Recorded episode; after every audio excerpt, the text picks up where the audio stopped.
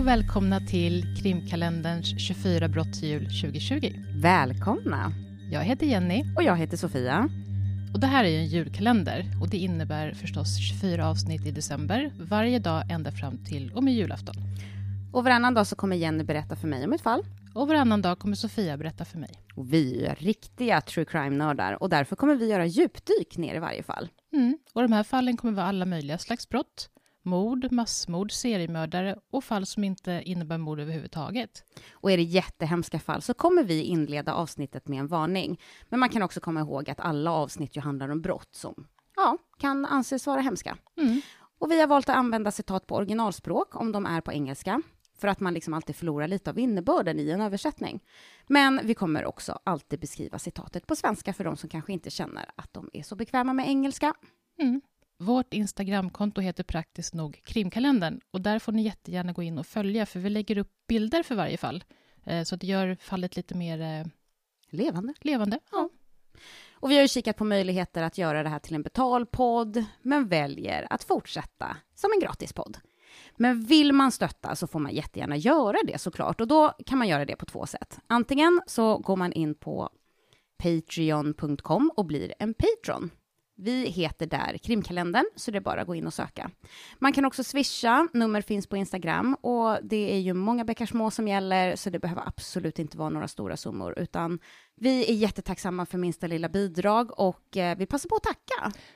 För er som har, eh, eller till er som har bidragit hittills. Ja, Det betyder jättemycket för oss. och det, har det är ju det egentligen, om vi ska vara ärliga, har möjliggjort att vi kan göra den här julkalendern. absolut. Så tack. An, utan er hade det inte gått. Nej. Men eh, nu är det dags att köra. Ja. Eh, och idag är det du, Sofia, som ska berätta för mig om ett fall. Och ibland så säger vi ju i början av ett avsnitt så här att så här, ah, nu ska vi se om du känner igen det här. Ja. Jag är ganska säker på att du känner igen det här. Jaha. Men för mig var det ett fall som jag var så här, just det, men det här har jag hört talas om, men jag kanske inte visste alla detaljer. Nej. Men jag vet inte hur det är, alltså jag vet ju hur det var för mig. Mm. Men jag tänkte i alla fall att det är ett sånt fall vi ska köra. Vad spännande. Det Mm. händer inte så ofta. Nej, det händer inte så Nej. ofta att jag väljer någonting som jag antar att folk känner till. Nej. Men vi börjar så här. Luften är frisk den 27 april 1963. En sydvästlig bris fyller de vita seglen på de trevliga båtarna som seglar över San Franciscos vik. Genom hyttfönstret på en färja studerar en man horisonten. Han har mörkt hår slickat bakåt, trötta ögon och hans händer och fötter är låsta till järnkedjor. Och genom den gråa dimman får han en första glimt av den skräckinjagande Alcatrazön. Oj, vilken, vilken början. Det var som att Jenny satt som förtrollad Ja. och bara va, va, va, va, va. Mm. Men det var en liten inledning. Mm. Viktor Lustig. Do you know? Nej. Nej! Mhm. Viktor Lustig. Man, kän- man kommer ju ihåg det namnet. Ja, verkligen. Han föds den 4 februari 1890 i Böhmen, ett historiskt landskap och tidigare kungarike, nu i västra Tjeckien. Byn är byggd runt en, ett barockklocktorn i skuggan av Kronosebergen. Jag vet inte om det uttalas så, Nej, inte jag heller. men eh, Kronosebergen. Mm. Jag, jag, jag säger det som, som det står. Och man vet inte liksom jättemycket om Viktors barndom, men vi kommer komma lite till det senare. Men det här är i alla fall någonting som jag har skrapat ihop från då x antal olika källor. Så vi kör. Som ung är Viktor en duktig skolelev, men intresserar sig inte lika mycket för de klassiska skolämnena som för att studera människor. Mhm. Han är begåvad och han har lätt för att lära sig språk snabbt. Och att läsa människor och deras beteende som inte många andra lägger märke till. Han studerar vid ett universitet i Paris och eh, blir flytande i både tjeckiska, engelska, tyska och italienska. Oj. Han är aldrig någon direkt respektingivande person, men han lär sig redan vid ung ålder att skärm och uppträdande är hans främsta vapen. Som tonåring i 1900-talets början börjar Viktor klättra på den kriminella stegen. Han säger själv att han stjäl för att överleva, men bara från de giriga och oärliga. Som någon slags Robin Hood då. Mm. Men så avancerar han så småningom från tiggare till ficktjuv, vidare till inbrott och gatulurendrejare. Och jag vet inte riktigt vad det heter, men förstår du vad jag menar? Nej, Nej, okej. Det, alltså, det låter som ficktjuv. alltså det... så här, människor som gör typ korttrick Ja, på gatan mm, och så gör de det så att det ser jättelätt ut. ja, Och sen så när någon kommer fram och bara, är det någon som vill satsa pengar? ja. Så gör de, då, är, då visar det sig att de är mycket, mycket skickligare. Ja. Men de har fått det att se ut som att här kan du Här kan du tjäna, tjäna pengar lätta på... pengar. ja, typ, jag förstår. Så. Eller den här med tre koppar och så en boll under och det. saker. Mm. Typ så, Ja. lurendrejare. Under den här tiden slipar han på sina färdigheter till perfektion och kan varje korttrick i boken. En källa säger att när Viktor når vuxen ålder så kan han få ett kort att göra allt förutom att prata. I Europa anser Viktors bekanta att han är en talspråkig och begåvad samtalare. Han är alltid elegant klädd och gentlemannamässig. Två attribut som ger honom smeknamnet Greven. Första klass passagerare på skepp som seglar över Atlanten blir hans första offer. De nyrika är lätta att lura. När Victor når USA vid första världskrigets slut är det glada 20-talet i full gång och pengar byter ägare i en väldig fart. Han bestämmer sig för att han vill vara i händelsernas mitt. Och det är vid den här tiden Amerika. Mm. Det går rykten om att här blir män rika över en natt och det passar Viktor bra. I den miljön trivs Viktor och han blir snart väl känd bland polisen varhelst han reser som The Scarred, alltså den ärrade, Mm. tack vare då ett blågrått 5 cm långt snitt längs hans vänstra käkben.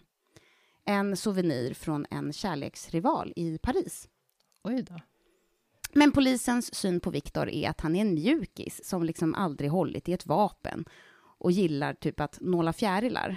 Mhm. Han är bara 170 centimeter lång och väger bara 63 kilo. Mm. Viktors mest framgångsrika svindleri är något som kallas den rumänska pengalådan. Det är en liten låda gjord av cederträ med lite mässingsdetaljer som gör att mekanismen i lådan ser avancerad ut. Den ser ut så här. Mhm. Det ser ut som en, ett skrin, träskrin. Men det är någonting på, eller? Ja, det här är, tror jag, en eh, replika. Mhm. Där inne fanns det en liten apparat av något slag. Precis, där är, den, den första var då, jag tror att det är original. Ja. Och den andra bilden jag visade för Jenny eh, är, är liksom en replika med lådan öppen så man ser mekanismen inuti. Viktor säger att apparaten kan kopiera sedlar med hjälp av radium. Och han visar gärna hur den fungerar. Han lägger en tom vit papperslapp i apparaten och en äkta 100 sedel och snurrar och vrider lite på knapparna. Det enda kruxet, säger Viktor, är att hela processen tar sex timmar. Mhm. Han väntar sedan sex timmar med den fascinerade spekulanten. Viktor vrider på några vred igen och mycket riktigt kommer sen två 100 sedlar ut. Spekulanten får till och med ta liksom med sig båda sedlarna till en bank för att försäkra sig om att de är autentiska. Och de är båda äkta. Spekulanterna tycker såklart att det är helt fantastiskt och betalar stora pengar för den rumänska pengalådan. Priset varierar mellan 20 000 och 30 000 dollar och om jag räknat rätt motsvarar det ungefär 2-3 miljoner kronor. För en låda. De köper För själva en låda. lådan. De, Mm. de, de köper apparaten för sen kan de ju bara kopiera. Ja. Viktor, som såklart laddat lådan i förväg med liksom en äkta sedel, Mm. utöver den han lägger i som ska kopieras, tar tacksamt emot betalningen och försvinner sen och den nya ägaren av en väldigt dyr låda får aldrig ut några kopierade sedlar. Fiffigt ju. Ja, fiffigt. Jag har även en bild på Viktor. Mm. Han ser lite ut som jag föreställer mig. Lite gentlemannatjuv. Ja. Eh, Välvårdad med lite mustasch. Mm. Eh, ja, Ja, jag kommer ju såklart lägga upp det här Ja. på, på Instagram. Viktors repertoar inkluderar även fejkade hästlopp, fejkade slaganfall under affärsmöten och falska fastighetsinvesteringar. Dessa svindlerier gör Viktor till slut till public enemy nummer ett. Alltså fienden nummer ett. Men det gör honom också till miljonär. I de shower Victor ger sina offer får han ibland hjälp av en sidekick som heter Dan Collins, kallad Dapper, som är en före detta lejontämjare och dödstrotsande motorcyklist. Och jag har inte så mycket mer information, men med tanke på att det är en lejontämjare och en dödstrotsande motorcyklist så kunde jag ju liksom inte låta bli att ha med den Nej. informationen. Verkligen inte. Man ser ju framför sig liksom någon som jobbar på cirkus typ och bara hoppar med en motorcykel genom Ja. typ, eh, ja, jag vet inte vad. Alltså hela den här historien, än så länge, är ju som en, eh, en saga, eller en... Lite. En, ja, Lite så. Och värre kommer det bli faktiskt, kan jag avslöja. Mm. Under Viktors kriminella karriär skryter han över sin pappa, Ludvig, som är borgmästare i hans hemstad. Men när han senare åker fast då, så beskriver han både sin mamma och pappa som typ fattiga bönder som uppfostrar honom i en bistert stenhus, typ. Så det är det här som är det knepiga med barndomen, och vi, som jag nämnde i början, men det kommer komma lite mer om det sen. Amerika under 1920-talet är väldigt drabbat av många svindlare från Europa med len tunga. Till exempel så har vi Charles Ponzi, som gav namnet åt Ponzi-bedrägeri. mm, en form av liksom så investeringsbedrägeri som attraherar investerare genom att det utlovas hög avkastning, men som istället för att generera verklig avkastning på liksom insatt kapital används investeringarna till utbetalningar för, för att liksom hålla bedrägeriet igång. ja, som ett pyramidspel. Ja, som ett pyramidspel. Mm. Och de här bedragarna var liksom professionella som kallade sina offer för mål istället för offer. Och de betedde sig liksom inte som skurkar utan gentlemen. Mm. Och en av dessa är alltså Viktor. Han beskrivs av en tidning som en Jekyll och Hyde-karaktär med en fot ständigt i undervärlden. Ändå behandlar han alltid kvinnor med respekt. Den 3 november 1919 gifte han sig med en söt kvinna från Kansas vid namn Roberta Norret. I en memoar skriven av Viktors dotter skriver hon hur Viktor uppfostrar familjen lite i skymundan liksom från hans andra liv då. Mm. Och att han skämde bort familjen med sin oärligt överkomna förmögenhet. Resten spenderar han på hasardspel och sin älskarinna Billy May Sheeble, ägare av en prostitutionsverksamhet som gjort henne till miljonär också. Sen 1925 ger sig Viktor in på vad svindleriexperter kallar för the big score. Alltså storstöten. Mm. Han har nämligen läst i tidningen om problem med Eiffeltornet. Och det ger honom en idé. Viktor reser mot Frankrike och anländer till Paris i maj det året, alltså 1925. Och det första han gör är att skaffa sig falsk legitimation. Och det var liksom inte första gången han gör det. Viktor har tagit fasta på sitt gamla smeknamn Greven och påstår sig vara just det, en greve. Men utöver det så har han 47 olika alias och ett dussin falska pass. 47, det var, det var det mesta jag har hört tror jag. Jag tänker att det är lite Jason Bourne över honom Ja. helt enkelt. Ja. Efter att ytterligare en fa- falsk identitet var ordnad beställer Viktor brevpapper med det officiella franska sigillet. Sen går han fram till receptionen på Hotel de Crillon, ett lyxhotell i stadens centrum. Där låtsas han vara en fransk regeringstjänsteman och skriver till fem män i Frankrikes toppskikt som gör affärer inom metallindustrin och bjuder över dem till hotellet för ett möte. Och här har vi en bild av Viktor och Eiffeltornet. Mm. Och där, vilket år? 1925? 25. Hotellet var liksom vid den här äh, tiden ett populär plats då för formella möten. Mm. Så det var liksom inget konstigt alls att han kallade in dem till, till hotellet, Nej. vilket annars kan vara så här, varför, det här låter ju skumt ungefär. Mm. Men det är alltså inte. Under mötet i Viktors tysta hotellrum berättar han för de tillkallade. På grund av ingenjörsfel, dyra reparationer och politiska besvär som jag liksom inte riktigt kan diskutera så har vi blivit tvungna att riva Eiffeltornet. Men tornet kunde säljas till högstbjudande, säger han. Tanken på all metall i Eiffeltornet är bara för bra för att motstå och den hänförda publiken börjar genast buda. Men Viktor har utsett sitt offer. André Pousson. En man med lågt självförtroende som är angelägen om att göra ett namn för sig i Paris. Victor och André stämmer träff dagen därpå.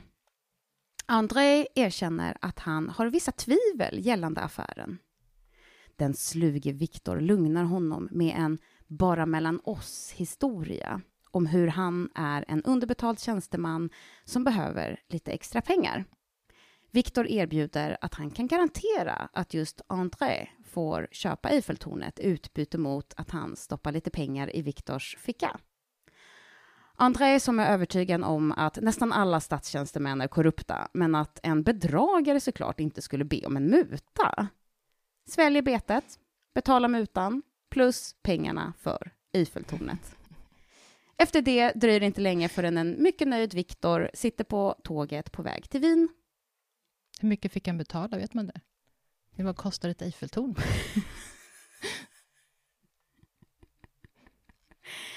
En, en källa säger 560 000 svenska kronor. Mm. Eh, det var en svensk källa. Mm. Och jag vet inte om de då har tagit höjd för inflation eller Nej. om det är liksom då... Jag vet inte Nej. faktiskt. Ehm, och det har vi ju pratat om flera gånger, hur knepigt det är med att översätta pengar. Eller översätta, vad man ska säga. För det kan ju vara... Är det medelårsinkomst Mm. eller är det liksom hur mycket en liter mjölk kostar? Ja. Eller vad är det? Ja, så. Mm. Men, så jag, jag vet Ja, faktiskt inte.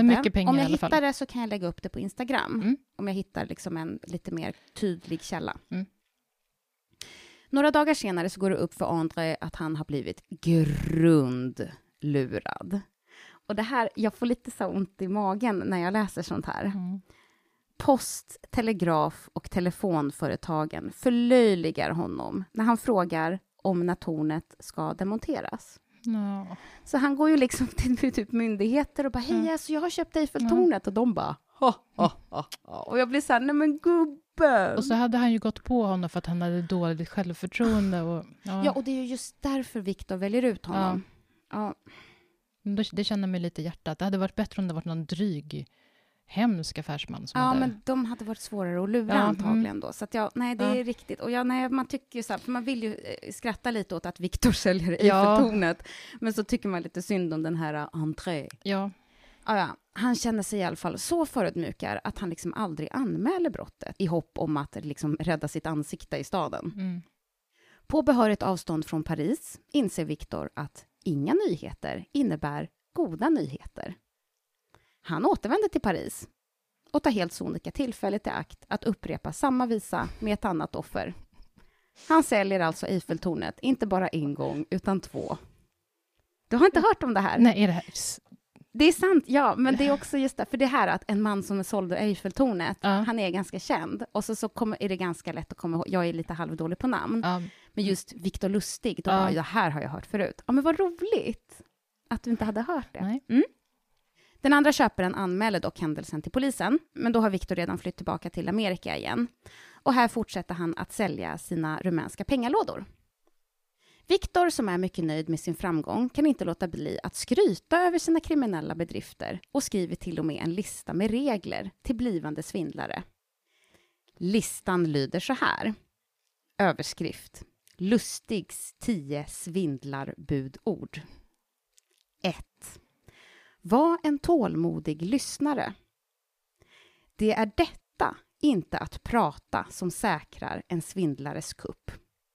2. Se aldrig uttråkad ut. 3. Vänta tills den andra yttrar någon politisk åsikt. Sen, håll med. 4. Låt den andra avslöja sin religiösa syn. Sen, ha samma. 5. Hinta lite sexprat, men följ inte upp om inte den andra visar ett stort intresse. 6. Diskutera aldrig sjukdom om inte någon speciell oro visas. 7. Snoka aldrig runt i någons personliga angelägenheter. De kommer berätta det för dig så småningom. 8. Skryt aldrig. Låt bara din viktighet vara tyst uppenbar.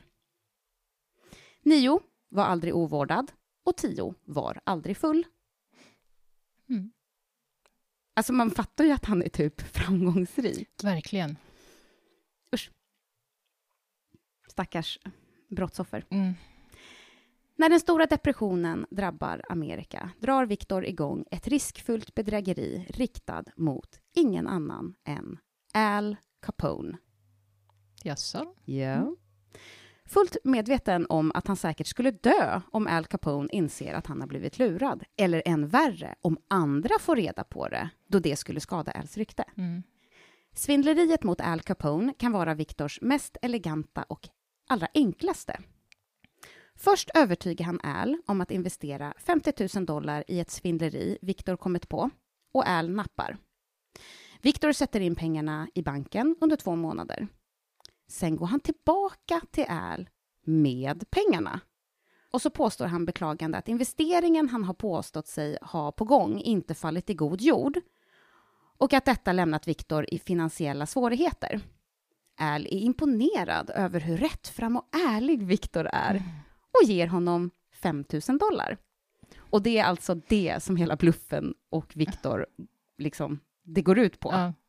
Och Victor går därifrån 5 000 dollar rikare. Och här har vi då Al Capone. ja. Alltså det där är väl typ på gränsen till olagligt. Ja, han har lurats, men... Han ja. har ju lurat, ja det är ju för sig Mm, sant. Men han, ju lämnar, lurat, tillbaka, men lämnar tillbaka pengarna. Så, han lämnar tillbaka pengar. Ja, han, har, han har ljugit, men Al Ja. Capone ger honom pengar baserat på den lögnen. Men Ja. det är ju inte... Ja, faktiskt. Som många andra yrkeskriminella så är det till slut Viktors girighet som blir hans fall. Den 11 december 1928 har affärsmannen Thomas Kearns bjudit in Victor till sitt hem i Massachusetts för att diskutera en investering. Victor smyger upp på övervåningen och stjäl 16 000 dollar ur en låda, vilket är ungefär 2,5 miljon, kan det stämma? ja, 16 000 dollar, 160 000, ja. Som han har liggande i låda låter i och för sig konstigt. Ja, fast det var ju... Men beloppet låter som att det stämmer. 1928 Ja. liksom. Ja, mm. ja, väldigt mycket pengar. Mm. En sån skamlös stöld kan Thomas såklart inte acceptera och han kontaktar polisen. Sen har Victor fräckheten att lura en Texas-sheriff med pengalådan. Så han säljer alltså pengalådan till en sheriff. Visste han det eller var det ett... Ja, det, det förtäljer inte Nej. källorna, men alltså, ja. Mm.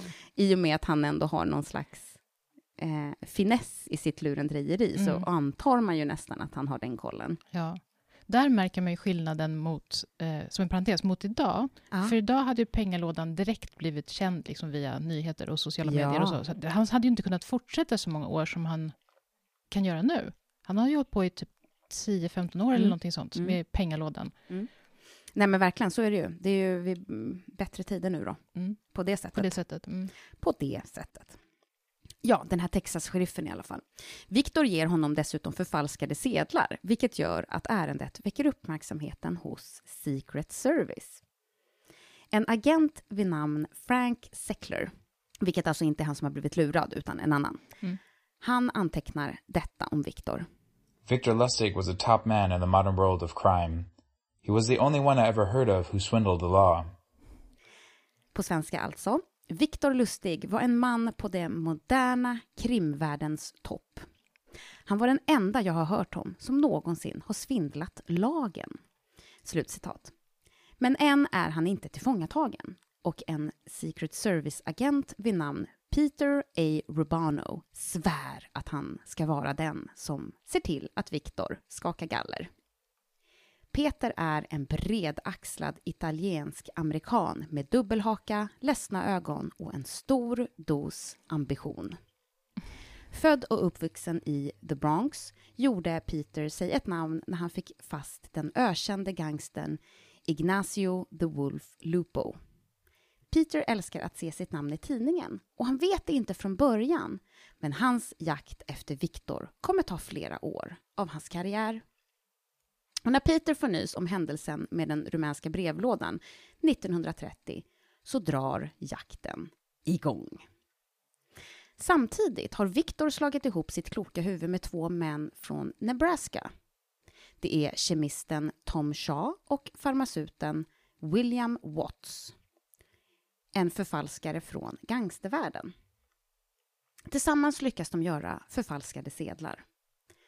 Tom graverar plattorna som skulle användas för tillverkningen av sedlarna medan Viktor arrangerar kurirer för att distribuera sedlarna samt säkerställa att hur och var den massiva operationen håller hus hålls hemlig. Resultatet är sedlar så pass felfria att de till och med lurar banktjänstemän. Viktor väljer järvt att göra tusendollars sedlar trots att det är de som synas allra mest av banktjänstemän och han blir som en andra regering som i konkurrens med USAs finansdepartement producerar sedlar. Viktor blir ansvarig för att 11 miljoner i svenska kronor, räknat i dagens penningvärde, kommer ut på marknaden de nästkommande fem åren och de får namnet Lustigpengar. Hans förfalskningar är så bra att regeringen börjar frukta att de skulle fördärva hela det internationella förtroendet för valutan. Oj. Men, så de, de vet om att det finns förfalskningar ute? Mm. Precis. Och, och, och, det vet jag inte om det kommer nu, Nej. eller om det kanske kommer senare, mm. när pengarna kanske fortfarande är ute på marknaden. Ja. Alltså, men jag vet inte när Nej. det här kommer. För det måste ju vara under en period när de inte vet om att det finns falska sedlar. Ja. Att fånga Viktor blir snabbt en katt och råtta-lek för Peter och The Secret Service. Viktor är nämligen duktig på förklädnader och han kan lätt transformera sig till en rabbi, en präst, en piccolo eller en dörrvakt. Klädd som en bagagebärare flyr han lätt från vilket hotell som helst och kan på så sätt även få med sitt bagage utan att någon höjer på ögonbrynet. Smart. Jättesmart. Men snaran om honom dras åt allt hårdare och hårdare. Viktor känner ett ryck i axeln av sin Sheffield-kappa i ett gatuhörn i New York den 10 maj 1935. En röst beordrar honom. Händerna i luften. Viktor studerar cirkeln av män som omringar honom och lägger märke till att en av dem är agenten Peter Rubano.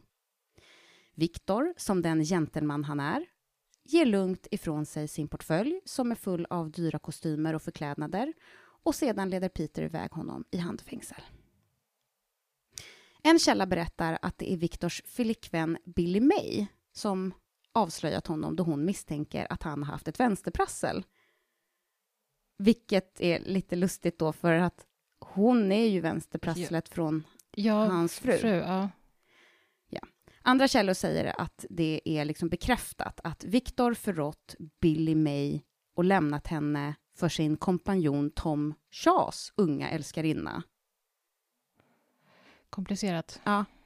Men då olika källor säger olika saker, mm. så vet jag liksom inte riktigt hur det var egentligen. Nej. Så. Billy May hade i alla fall ringt ett anonymt telefonsamtal till de federala myndigheterna, säger källan. Viktor anklagas i alla fall för penningförfalskning och han medger öppet att hans partners har med de falska sedlarna att göra, men påstår sig själv vara helt okunnig i saken. Han vägrar dessutom berätta vad det är för nyckel agenterna hittar på honom. Men det hjälper inte, för inom kort upptäcker agenterna att nyckeln leder till ett skåp i tunnelbanestationen vid Times Square som innehåller 51 000 dollar i falska sedlar och plattorna med vilka de trycks. Mm. Gripandet är en stor vinst för Secret Service. Men inte så länge. På söndagen innan Labour Day och dagen innan rättegången mot Viktor ska dra igång, den 1 september 1935, lyckas Viktor fly från den outbrytliga federala försvarsenheten på Manhattan. Oj. Mm. Hur, tänker ja, du? Ja, Mm. verkligen. Jo, han knyter ihop ett rep av sina lakan, filar igenom stängslena i hans cell och svingar sig ut ur fönstret som en urban Tarzan. Urban Tarzan. Ja. Men alltså, förstår du att det här är ju liksom saker som man typ ser i... jag tänker typ eh, Björnligan, Precis. med så fil Ja. och, och lakan Ja, ihop. Dem. Filen och lakanen, det är ju klassiskt. Det är en riktigt klassisk, och han gör det. Ja. En grupp åskådare stannar till och pekar upp i luften. Viktor tar fram en liten trasa ur fickan och låtsas som att han putsar fönster.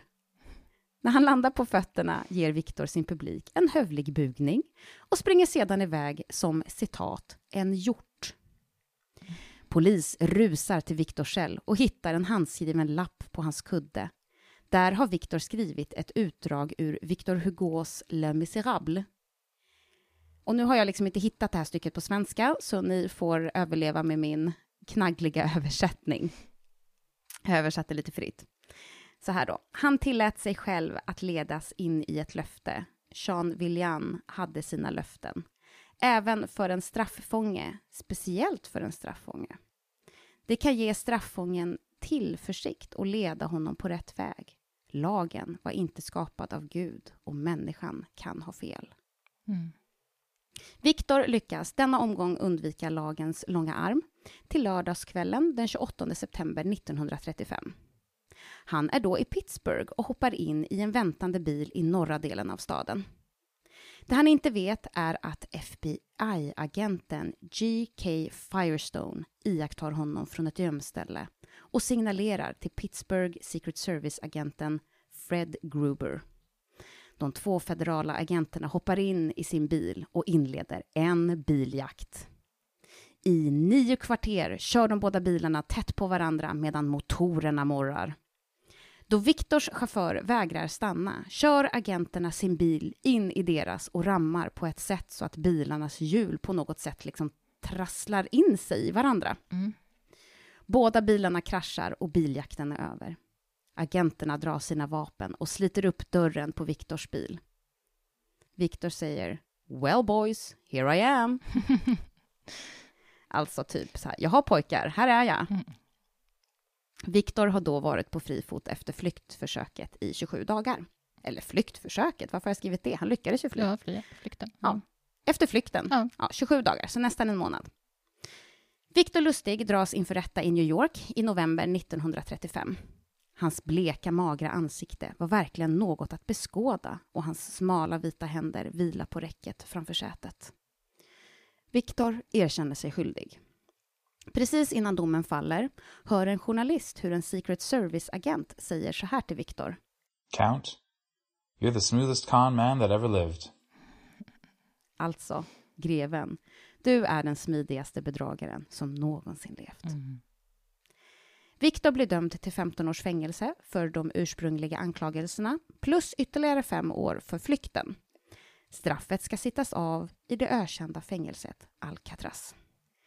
Så nu är vi alltså tillbaka till stunden för inledningen på det här avsnittet. Mm. Men det kanske är en bra tillfälle att visa dig lite bilder. Mm. Det här ska alltså vara en av eh, de falska eh, sedlarna. En alltså lustig sedlar eller vad de kallades. Ja. Mm. Den ser verklig ut. Ja, det, det gör det Ja, ju. Det är ju alltså, lite svårt. Man vill ju känna på den för ja. att veta. Det är mycket pappret och såna saker. Ja. Ehm, här är då en så här efterlyst Mm. affisch, eller vad man ska det. säga, med så fingeravtryck och bild på, i, både i profil och, och så. Just det. Och här är en bild där du ser längst till höger, Ja, är så han. är det han, Ja. där han då förs eh, efter rättegången då, Mm. för att skeppas till Alcatraz. Väldigt välklädd. Han har inte fångkläder på sig, men det Nej. kanske man inte har alltid på... Nej. Eh, eller han, han är ju, det kanske är för rättegången, Ja. att han sitter där då. Mm. Men tillbaka då. Inom citationstecken greve Viktor Lustig, 46 år vid det här ögonblicket, Amerikas farligaste bedragare, är just nu på väg i fängelse. Så snart Viktor sätter sin fot på Alcatrazön muddras han av fängelsevakter som letar efter gömda föremål. Kanske ett rakblad, eller något man kan lirka upp lås med. Sen sköljer de av honom i iskallt sjövatten. De marscherar in honom längs med huvudkorridoren mellan cellerna, känd som Broadway, helt naken. Det hörs en kör av tjut, visslingar och slag av metallkoppar mot fängelsegaller. Viktor är förödmjukad. I fängelset är Viktor olik alla andra fångar. Han klär sig som en manité-idol, har en hypnotisk charm, talar fem språk flytande och har en förmåga att kringgå lagar som en fiktiv skurk. Och det är inte sällan att han beskrivs i media som en karaktär ur en bok. Andra kallar honom Nobel. En Secret Service-agent beskriver Viktor som citat svårfångad som cigarettrök och charmig som en flickdröm. Slutcitat. I fängelsedokument registreras Viktor som Robert V. Miller, ett av hans pseudonymer. Han har under sitt liv då använt 47 olika alias och ett dussin falska pass. Än idag är hans verkliga identitet skuggad av mystik. Själv hävdar då Viktor att han är greve och att han kommer från en aristokratfamilj som äger europeiska slott. Men senare eftersökningar avslöjar att han kom från en bra mycket mer blygsam bakgrund. Oavsett verklig identitet tar det kalla vädret till sist ut sin rätt över fånge nummer 300. Vid den 7 december 1946 har Viktor gjort så många som 1192 medicinska förfrågningar och fått ut 507 recept. Fängelsepersonal tror att han fejkar sjukdom. För det är ju liksom trots allt det han har gjort förut. Mm. De tänker att det nog bara är en del av en plan att fly. Att de hittar rivna lakan i Viktors fängelsecell som ett tecken på att han försöker tvinna ett rep är liksom heller inte direkt lugnande. Enligt medicinrapporter har Viktor citat en benägenhet att överdriva sina fysiska krämpor och beklagar sig ständigt över verkliga och inbillade sjukdomar. Slut citat. Han förflyttas till en medicinsk anläggning i Springfield, Missouri där läkare till sist inser att han inte fejkar. Där dör han av komplikationer som uppstod vid en lunginflammation. På något sätt lyckas Viktors familj hålla hans död hemlig i två år tills den 31 augusti 1949. Men inte ens hans Houdini-liknande avgång från jorden ses som hans största bedrägeri. I mars 2015 inleder historikern Thomas Andel, som kommer från Viktors hemstad, eller påstådda hemstad, då, Mm en outtröttlig efterforskning efter biografisk information om byns allra kändaste invånare. Han söker i register som överlyft nazistiska bränder, letar igenom röstlängder och historiska dokument. Han måste ha gått i skolan här, resonerar Thomas i en tidningsartikel i tidningen Hostin Bulletin. Men han nämns inte ens i listan över elever som gått i den lokala grundskolan. Efter mycket sökning konstaterar Thomas att det inte finns några bevis för att Viktor Lustig någonsin föddes. Vi kanske aldrig får veta greve Viktor Lustigs verkliga identitet. Men vad vi säkert kan veta är att en av världens främsta svindlare dog klockan 8.30 den 11 mars 1947. På dödsattesten antecknar en tjänsteman Viktors yrke försäljningslärling. Försäljningslärling. Ja. Ja. Och det var historien om mannen som sålde Eiffeltornet två gånger. Det var helt fantastiskt. Jag har glömt att andas. Vilken historia. Visst är den tokig? Ja. Ja. Hur, ja. Jag vet inte vad jag ska säga. Jag Alltså är- man kan ju inte låta bli att, dra på smilbanden. Och jag Nej. visste ju om såklart det här med Eiffeltornet, för det är ju Mm. det han är typ känd för. ja. Och sen så när jag läste om de här rumänska pengalådorna så Ja. blev man ju så här, nej men gode tid. Ja. Och så när man kommer till att han flyr från... Som en urban Tarzan. ja. jag, gill, jag gillade eh, den översättningen. Ja. Jag bara, urban Tarzan. Ja, nej det är ju jättetokigt. Ja. Men ja, som du säger, man, man, dels så drar man på smilbanden, men också att han liksom ger sig på de som har dåligt självförtroende. Och Mm. det är både och. Ja, alltså någonstans så blir det lite så här... det är ju extremt samveteslöst, Mm. känner jag. Så det, det är ju, trots att det blir så här, ja, ja, det är ju bara, han bedrar dem ju bara, men det är så utstuderat Mm. som gör att jag får en avsmak, Mm. liksom. Gå Absolut. på de svagaste, de är lättast att lura. Man Ja. bara, men alltså, de svagaste är också de svagaste. Ja. Alltså, Ja. mm. Men eh, ja, fascinerande. Mm. Och också att man inte vet vem han Vem var. man är? Nej. det- Väldigt intressant. Och det finns inte någon DNA, att de kvarlevor av... De här, eh, det finns det ju säkert, Ja. att man kan göra vad heter det, genealogiundersökningar. Eh, Det kanske det är någon som gör. Det är ingenting jag har hittat, för jag har Nej. ju såklart letat genom internet efter Ja. det här. Så. Men ingenting jag har hittat, men det kanske kommer. Mm. Men Ja. då så. Tack snälla Sofia. Tack det, här var, det här fallet kommer finnas kvar i mig länge tror jag. Åh, vad roligt. Mm, var för- superbra. vad kul. Mm. Kul att höra. Men vet du vad? Nej. Vi hörs imorgon. Det gör vi. Mm. Ha det bra tills dess. Hej då, hej då.